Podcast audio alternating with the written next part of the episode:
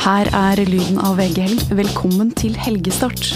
Da Monica Lewinsky, 22 år gammel, ble avslørt som elskerinna til USAs president Bill Clinton, ble hun en av de aller første som ble utsatt for the shame game på internett. En global gapestokk av aller verste sort. En online skittkasting som bare aldri slutter. Nå vil Lewinsky ta oppgjør med ydmykelseskulturen på nett. Det vil vi også, og vi skal få eksperthjelp av feminist og forfatter Marta Breen. Én av fire norske menn over 45 år er single og barnløse, og ca. én million nordmenn er plaget av ensomhet. Er det å være ensom den nye svartedauden, spør vi, og ber om svar fra ingen ringere enn Fritt Ords leder, Knut Olav Åmås. Og komiker og programleder Gunhild Dahlberg har sett seg lei på folk som gnisser seg inntil henne i nærbutikken. Ligger dårlige manerer i nordmenns DNA? Gunhild skal få blåse ut og drive litt oppdragelse i helgestart. Eh, Marta Breen, gratulerer med en ny bok. F-ordet, 155 grunner til å være feminist. Det passer jo, et, eh, passer jo, veldig bra et par dager før kvinnedagen. Vi skal snakke om The Shame Game, eh, spillet som spilles på internett hvor deltakerne er mange og scorer poeng ved å overgå hverandre i å kaste skam og dritt på én en enkelt person som er utvalgt. Er det en grei definisjon? ja, altså vi, vi skriver en del om dette i boka. Det er jo et ganske nytt fenomen at det har blitt så Det, det, det kalles jo slutshaming også. Vi skriver om slutshaming, da. Hva er det gode norske ordet for det? Eh, hore... Mm. Hores, horeskjelling? Hore... Horeskjelling, ja. ja. Uh, nei, det var sånn, vi burde egentlig oversette det, ja. Det var et godt poeng. Uh, det handler på en måte Det beskriver en sånn tendens med å skambelegge og, og uh, uskikkelige jenter, da. folk som damer som, som oppfører seg litt utafor det som er samfunnets norm for hvordan man liksom Seksualmoral, anstendighet, hvordan man kler seg, osv. Og det er jo et stort problem sånn, i, med kjendiser og, og, Hollywood og sånne ting, men det er også dessverre et veldig stort problem for van, helt vanlige unge jenter. Mm. Eh, Monica Lewinsky hun nevnes jo som en av de første som fikk smake på dette shame game. Og vi vet jo hva hun hadde gjort seg skyldig i. Altså hun var 22 år da, eh, og så ble hun elskerinnen til USAs president, 49 år, verdens rik, eh, ikke rikeste kanskje, kanskje det òg, i hvert fall mektigste mann. Eh, det er jo rart. Altså Clinton han eh, ba om unnskyldning, ble tilgitt både av velgerne Barna var kona si, mens uh, shamingen av Monica Lewinsky den pågikk i veldig mange år på nettet. Tok liksom aldri slutt. Hva er det som er grunnen til at uh, skyldfordelingen ble der? Ja, nei, det er jo, Når man ser det sånn i ettertid også, så er det jo helt horribelt å se eh, hvordan, hvilke spørsmål hun fikk, bl.a. når hun var her i Norge på TV eh, med eh, Per Ståle Lønning. Per Ståle Lønning var det, og Sentrum, det programmet der. Hva han spurte, altså For det første så spurte han om det der fryktelige sigarspørsmålet sitt som folk husker, da. Hvem som hadde, hvem, hvem sin idé det var med den sigaren. Eh, men så var det sånne spørsmål som liksom eh, Vet du hvor mye skam og smerte du har påført presidenten og hans familie. Følte du på noe tidspunkt Clintons smerte? Hvis du får barn, hvordan vil du forklare dem hva du har gjort?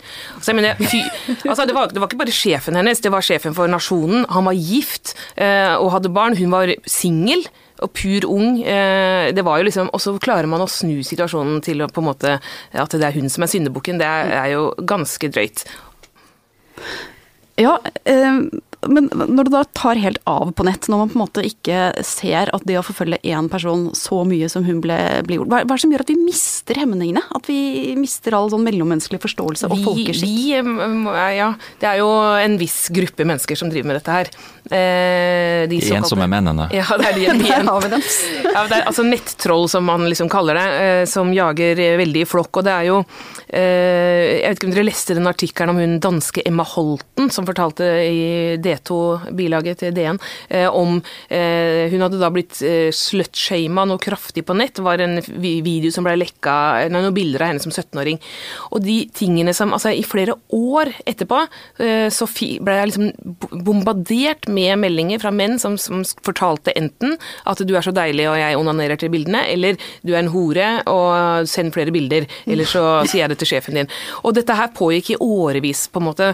Og det hun gjorde, var jo på en måte å, å å ta situasjonen tilbake, og tok noen nye bilder av seg selv, hvor hun også var naken, men som var, sin, som var ikke så seksualisert, og som var i hennes egen regi. da, og hun, For hun mente liksom at det samtykke på en måte var det viktige. Det var en veldig, veldig flott eh, kronikk hun skrev i den forbindelse. Så hevnporno til hevnporno? Ja, hevn, hevn, hevnporno. Ja. Og, og, eh, vi så jo også en sånn, når det gjelder dette her med å liksom snu situasjonen da, til det, det, det, I fjor høst så var det en del unge jenter eh, i Norge som opplevde at eh, hackere stjal eh, intime bilder av dem fra deres mobiltelefoner og la ut på nettet. Eh, og liksom dette eskalerte. Eh, og den, det som jeg syntes var tristest med den situasjonen, var at veldig mange voksne mennesker automatisk bare helt reagerte ved å snu seg mot disse mindreårige jentene. Da. Det var liksom den første reaksjonen. Det er det derre basale når du har så kort skjørt, da. Ja, så ja. da kommer det jo til deg. Så folk tar konsekvensene, da. Det er, det er akkurat samme retorikken som i voldtektssituasjoner. ikke sant? Du var full, du hadde kort skjørt. Det var en Frp-politiker som gikk ut og sa eh, hvis du setter en veske på en benk i parken, så kan du ikke forvente at den står der når du kommer tilbake. Det var liksom første reaksjonen. Og så var det sånn ja, men mm. Eh, men er det så enkelt, du var litt inne på eh, kjønnsfordelingen her, Knut Olav. Er det så enkelt som at det er menn som shamer kvinner? Kan ikke menn bli utsatt for shaming av kvinner? Jo, kanskje, men og, og uh, homofile menn og også etniske minoritetsmenn er, spesielt utsatt, i nettoffentlighetene. Men jeg, tror nok at uh, kjønnsdimensjonen er ganske viktig her. Altså, Vi gjorde en undersøkelse i Fritt Ord i fjor da vi spurte 5000 nordmenn om erfaringene på sosiale medier bl.a. Og, og det viser at kvinner må gjennomgå mye mer enn en menn. Eh, eh, motstanderne og kritikerne og de som driver med trakassering, går med en gang løs på identitet og karaktertrekk og kjønn, og, og, og begynner å trakassere. Så dette er, dette er, et stort problem i nettoffentligheten, og, og, et av de temaene i samfunnet der kjønn virkelig gjør store utslag. I sin nyttårsrolle i 2012 så snakket jo Jens Stoltenberg om den digitale nabokjerringa. Eh, er det det vi skal være? Skal vi begynne å prøve å finne til Gå til trollene, da. Finne ut hvem de er, og shame dem tilbake? Er det det som er det mest effektive våpenet? Jeg, jeg tenker at det Jeg må ofte ta meg sammen litt selv også, for å ikke bli nettroll. For det er så veldig fort at Når jeg skriver kommentarer på Facebook, eller, men eh, så, prøver, så er det noe at jeg liksom er sånn At jeg merker at det liksom det er så kort vei fra Eller det er liksom verbalt oppkast, eh, liksom. Så jeg må noen ganger bare Å, gud, nei, dette kan jeg ikke skrive, for det her kommer jo ut så alle ser. Man må være høflig på nettet, da. Jeg svarer alltid høflig. Eh, altså veldig mye overser jeg eh, av, av eh, netthets. Hvis det er dumt og idiotisk, så, så god, jeg godkjenner også på bloggen min, jeg må godkjenne alle kommentarene. Jeg godkjenner alt, bortsett fra hvis det er hets, eller hetsende og sånn, da. Eh, da tar jeg bare sånn bilde av det og sparer på det til en annen gang. Eh, men ellers, hvis det liksom er så svarer jeg høflig og, og hyggelig, og så blir de ofte parkert av bare av det. For de blir så overraska over at jeg ikke skjeller på dem. Men jeg tror, jeg tror Gunhild har et eh, godt poeng her. Det er selvfølgelig, det er selvfølgelig eh, de, de, som trakasserer sitt eget ansvar. Eh, men jeg tror sosiale medier er ganske sjølregulerende. Altså, det, det, er veldig vanskelig å slippe unna med noe. Og så tror jeg Martha har et uh, godt poeng når det gjelder det å uh, bare svare, rett og slett. Det, spiller ingen rolle hva du sier. Noen blir så overraska bare over å få oppmerksomhet. Så det er kanskje oppmerksomhet noen trenger, rett og slett å bli tatt på alvor og bli hørt. Den ensomme mannen. Så vi må ta, rett og slett ta det onde med det gode, da. Vis manerer der overhodet ingen manerer er vist. Og så må man håpe at verden, og også nettverden, blir et bedre sted. Knut Olav Almås, du skrev en søndagskommentar i Aftenposten forrige uke hvor du lister opp ti norske tabutemas, og på plass nummer én der å være ensom. Foran tema som avhengighet og fattigdom og sexovergrep mot menn. Eh, hva er det som gjør ensomhet så ille i vår tid? Det, det, gjelder så mange, og vi lever i et så sosialt samfunn. Altså, vi, vi er så aktive, og, og, på sosiale medier eh, gir det en viss status å ha følgere på Twitter og venner på Facebook. Eh, eh, når vi lever i et sånt samfunn, der vi er så sosiale og utadvendte og synlige hele tida, så, så, blir det ganske eh, sterk kontrast eh, når man ikke har noen å være sammen med, og, og ikke har noen å ringe, ikke noen å feire bursdag med, ikke noen å gå ut og spise middag med. Det er ikke så morsomt å sitte på en kafé eller restaurant og spise alene. Mm. Eh, jeg har lest et sted at tallet på ensomme, altså dette her én av fire nordmenn, eller én million nordmenn, det er litt forskjellige tall, men at det har vært ganske stabil siden 80-tallet. Men det er mm. rett og slett hele sosiale medievirkeligheten som gjør at ensomheten blir mer synlig, eller? Ja, jeg tror kanskje det. Og at den blir mer synlig for de ensomme også. Blir mer synlig at de, at de er ganske alene. Og, og med ensomhet må vi da mene det å ufrivillig eh, ikke ha noen å, å, tilbringe tida sammen med. Altså, vi kan jo alle trenge tid alene. Uh, og det er eh, fantastisk å ligge alene i en tom leilighet på, en, på, en, sofa. Men vi lever jo også i et velferdssamfunn, en velferdsstat som har, som har, hjelp til alt. Men jeg tror det er en hel gruppe av mennesker som faller, faller utenfor, og som er ekstra sårbare for ensomhet. Eh, alle som har en kronisk eh, sykdom, eller eh, som er uføre, eller som er kommet i en eller annen vanskelig livssituasjon. Og det er verdt å være oppmerksom på at ensomhet er spesielt, spesielt utbredt blant de aller eldste og, og, folk mellom 16 og 24. Og, og, det å være ung og ikke ha noe særlig nettverk rundt seg, det tror jeg er ekstra tabubelagt. Mm. Hva skal da gjøres? Altså Må noen gripe inn og, og, ta tak i disse ensomme og få dem ut av leiligheten hvor de sitter og, er alene? Ja, det, er jo nettopp denne isolasjonen som mange velger som er selve problemet og, og selve utfordringen. da. Så det er ikke så lett, men uh, altså, jeg har jo tro på sivilsamfunnet og hver enkelt av oss. da. Det gjelder bare å se, se litt nøye etter uh, hvem vi har rundt oss, og ta kontakt. Eh, ta kontakt med folk vi kanskje ikke har hatt kontakt med på en stund, og spesielt folk som kan uh, trenge noen å snakke med. Og kanskje også demp lykkepresset litt på sosiale medier, hvis det er mulig. Eh. ja, jeg tror ikke spørs om det er mulig.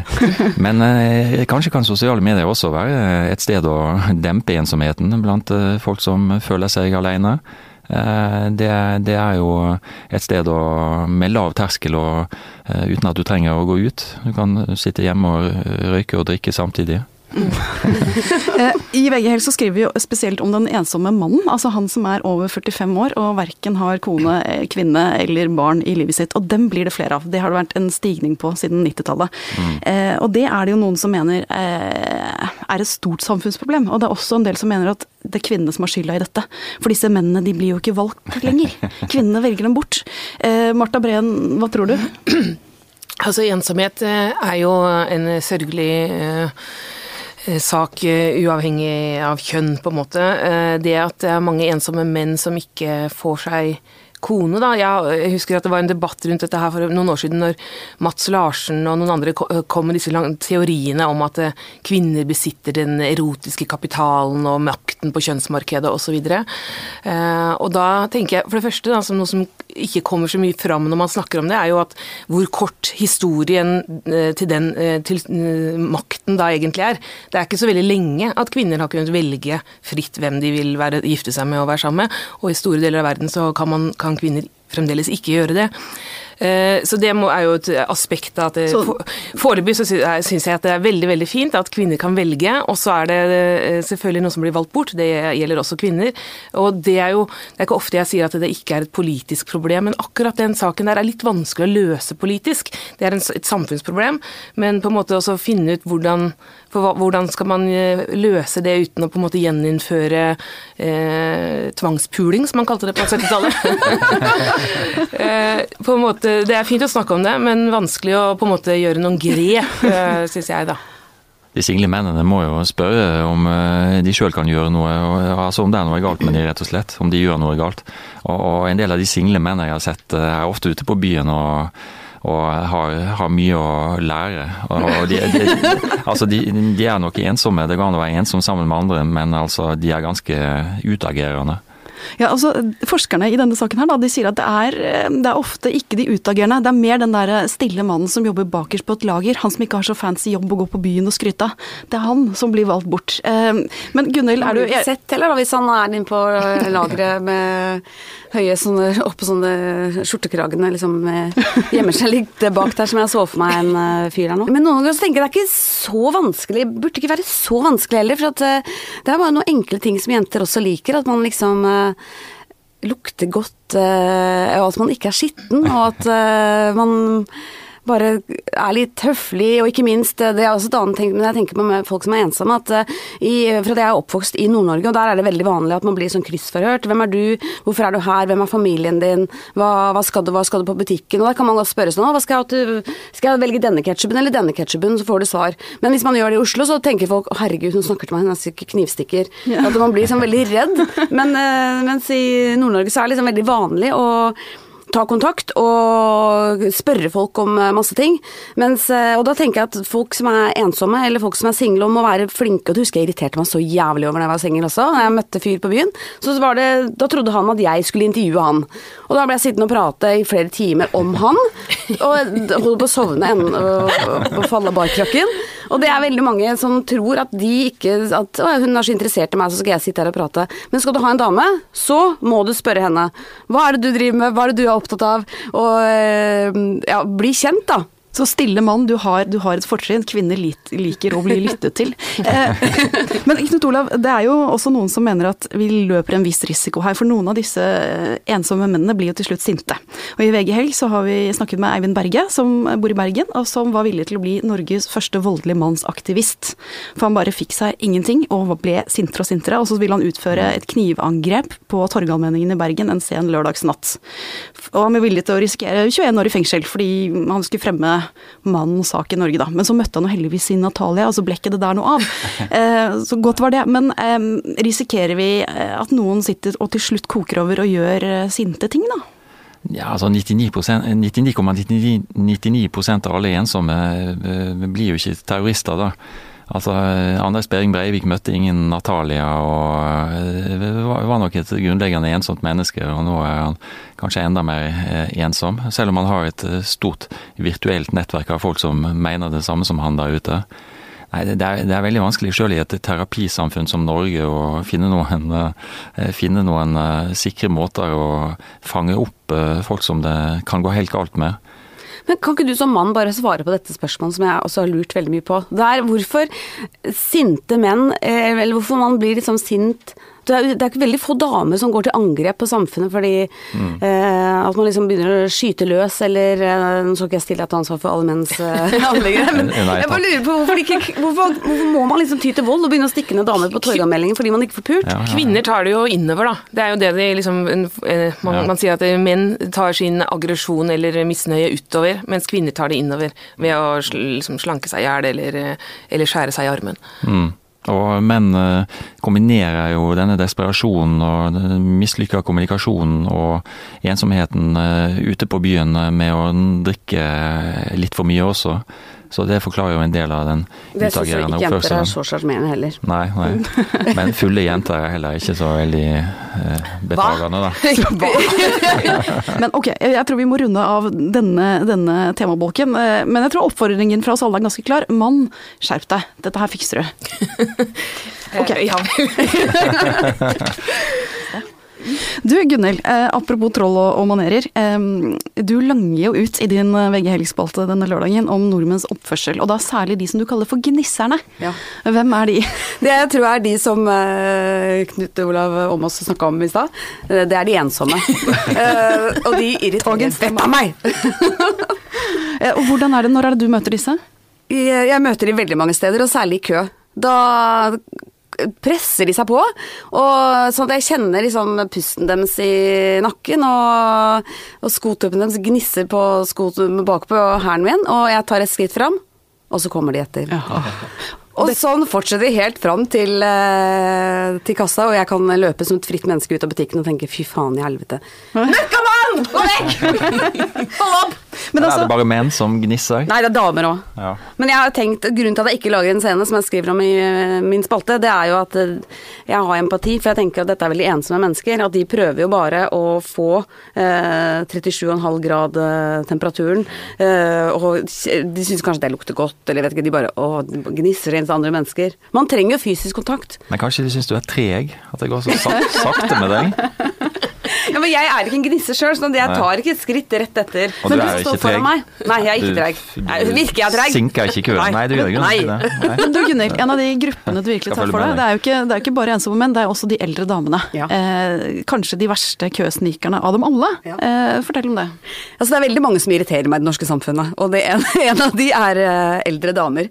Eh, og da vil jeg gjerne Jeg går rett på kjønn her, selv om vi nærmer oss 8. mars. For de eldre damene de blir i kø, da. De blir bare yngre og yngre. Nå er de nede på 50 år. Og før så var de damene 80-90, og da tenkte jeg da Det er jo Unnskyld at du er frekk, fordi at du skal snart dø. Og da Du gidder ikke å kaste bort tid her på å stå på Rema. Jeg vil raskt hjem til eh, middagen min og sofaen min og gidder ikke å kaste bort tid her. Så da er det uh, greit. Men nå syns jeg bare at de damene bare blir eh, yngre og yngre, og, og bruker masse unnskyldninger for å snike 'Å, jeg glemte brillene mine hjemme, kan jeg være så snill å gå foran deg?' Eller det frekkeste eksempelet, som eh, at de snakker med barnet mitt, og 'hei, så søtt barn', og så vips, så er de liksom helt foran i kassa og står med brettet fullt av croissanter. Og bare Hva var det som skjedde, egentlig? Men er det, med, er det noe med at eh, det er lettere for de som er sånn pent antrukket og har litt dyre øredobber også, å komme seg frem i køen? Er det en litt sånn velstandssniking som foregår? Jeg bor ikke på vestkanten, og jeg kan be- fortelle at dette her er et, eh, et, problem, et landsomspennende problem. Fra Nordkapp til Lindesnes. Men Du, du nikket. Jeg har, jeg har bodd en del år på vestkanten. Jeg gjør det ikke nå, jeg har ikke gjort det på, på lenge. Men jeg tror både menn og kvinner, eh, spesielt på vestkanten, eh, rundt 45-50, med suksess og fin bil og vellykka familie, godt sjølbilde. Eh, De har alle grunner til å være høflige og glade i det offentlige rom, men de er, de er ofte de verste bøllene i køene og på fortauene og i kaffebarene. Eh, De har, en, de har en sånn selvbilde som at de eier verden, og hvis det er noe de er misfornøyd med, så er det noen andres skyld, og da må noen andre vike. Eh, At køen går for sakte, eller at det er for mange i køen. Eh, og, og det er en selvfølge å parkere Volvo-SUV-en på fortauet, fordi de har faktisk dårlig tid, og Det må da Andreas andre Hopland har kalt det de store hagers selvtillit. Ja, ja. Men det er litt den der 'jeg forlanger effektivitetssnikingen'. Jeg kan ikke stå her og vente i denne trege forsamlingen. ja. Det høres jo grusomt ut på Frogner, egentlig. Det må jo være en eh, kamp som kunne vært Dagsrevyen verdig å filme. fordi at eh, alle der har jo ganske, er jo ganske bemidla. Ja. Sånn at det må jo være og folk med suksess og det, det er litt skremmende. De har en mentalitet og et selvbilde som gjør at de tar seg til rette og er ganske bøllete i køer og ute, ute på gatene og i butikker. Og det er en av grunnene til at jeg bor på østkanten sjøl. Men jeg måtte lese meg litt på lykkeforskningen, da. Fordi at lykkeforskningen sier jo veldig tydelig at du menneske som klarer å stå der ute i kø, og dette, dette er ikke meg også, det er ikke noe Jeg er snarere litt aggressiv. Eh, Men de flinke folk da, som klarer å stå rolig i kø, eh, de eh, har jo også en sunnere mentalhelse enn de som absolutt må forte seg frem og bli stressa på to sekunder. Så Så lykkenivået til deg som klarer å stå rolig i kø, er høyere. Ja, ikke sant? Det er jo noe å ta med seg. Ja, den selvbeherskelsen du da viser for andre og for deg sjøl, og, og, og, og den, eh, det er jo den ultimate dannelse også, ikke sant? Eh, Å og, og beholde kontrollen når uh, du ser folk rundt deg ikke greier det. Men eh, det er, det, er, det er ikke lett, som Gunhild skriver i spalten sin eh, i VG Helg. Altså når, eh, når man på en eh, dagligvarebutikk åpner en ny kasse, og, og de bakerste i de andre køene styrter fram. Altså, eh, og når de ikke skjønner at det selvfølgelig er de første i, i den fullstappa køen som, som skal først. Og det, det er reelt irriterende og provoserende. Du får lyst til å ta ananasen opp av kurven og hive Ja, ja. den på dem, rett og Det er egentlig mindfulness vi prater om nå. Altså stå lykkelig i køen. Men nordmenn har det er relativt få av oss, og vi har relativt god plass. Altså, vi, vi har ikke trengt å ta sånne hensyn som, eh, som eh, en trenger en del andre steder. Eh, Jeg har, jeg har bodd en del i utlandet og reiser mye, og eh, nordmenn er ikke et spesielt høflig folk. Det finnes mange unntak, og jeg tror det er i ferd med å komme seg, fordi eh, vi kanskje er i ferd med å bli litt mer, litt mer danna og ta litt mer hensyn. Mm. Jeg føler at vi, eh, denne sendingen går opp i en sånn eh, høyere enhet. Man må være snill.